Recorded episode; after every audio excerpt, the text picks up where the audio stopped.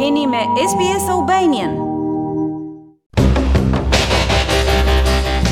Australia do të ofrojë rreth 70 milionë dollarë në ndihmë të Ukrainës për armatosjen e luftëtarëve me raketa, armë dhe municione, si dhe një ndihmë humanitare shtesë prej 35 milionë dollarësh do të shkojë për furnizimin me ushqime dhe strehim për njerëzit që ikin nga konflikti.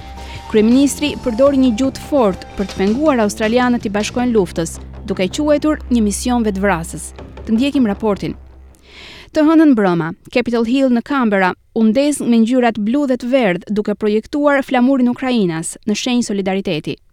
Por kryeministri Scott Morrison ka ofruar më shumë se një simbol, duke rritur në mënyrë drastike mbështetjen ushtarake për Ukrainën. We will be answering the call um, from President Zelensky.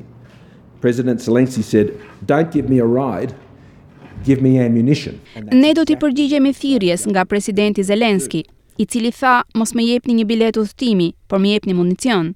Dhe kjo është pikërisht ajo çka qeveria australiane ra dakord të bëjë. Qeveria ka angazhuar shtatëdhjetë milionë dollarë për pajisjet ushtarake, që do të furnizohen nëpërmjet NATO-s. Bëhet fjalë për raketa, për municione, për të mbështetur ukrainasit në mbrojtje të tokës së tyre, dhe ne do ta bëjmë këtë në partneritet me NATO-n.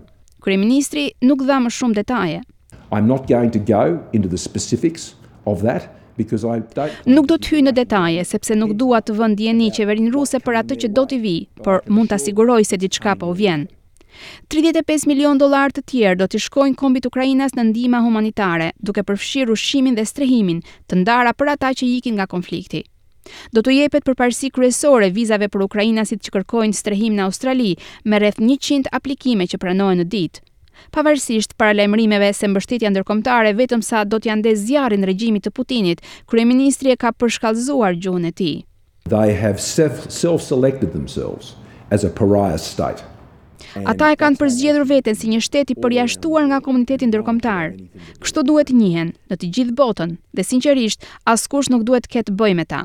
Ministri i Mbrojtjes Peter Dutton gjithashtu pranoi se fuqizimi i shteteve autokratike si Rusia përbën një rrezik më pranë Australisë. Ka shqetësime legjitime në Evropë se ata nuk dinë çfarë do të sjellë e ardhmja.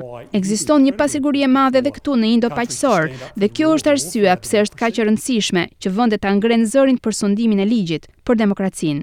Kryeministri ka paralajmëruar sërish australianët që duan të shkojnë për të luftuar në Ukrainë. The legal position, at best, is unclear. Pozicioni ligjor, në rastin më të mirë, është i paqartë. Të tjerë i kanë përshkruar këto lloj veprimesh si misione vetëvrase dhe ky nuk është një vlerësim i paarsyeshëm.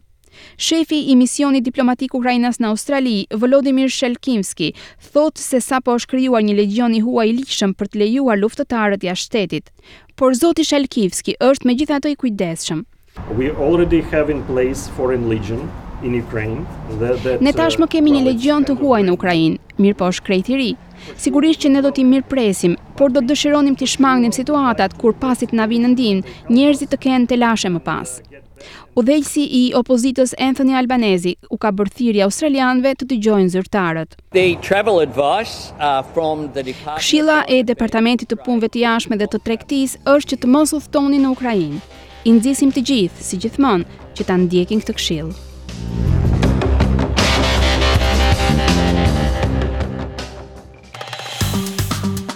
A ju pëlqeu ky reportazh? Për më shumë vizitoni Apple Podcast, Spotify ose faqet e tjera të podcast.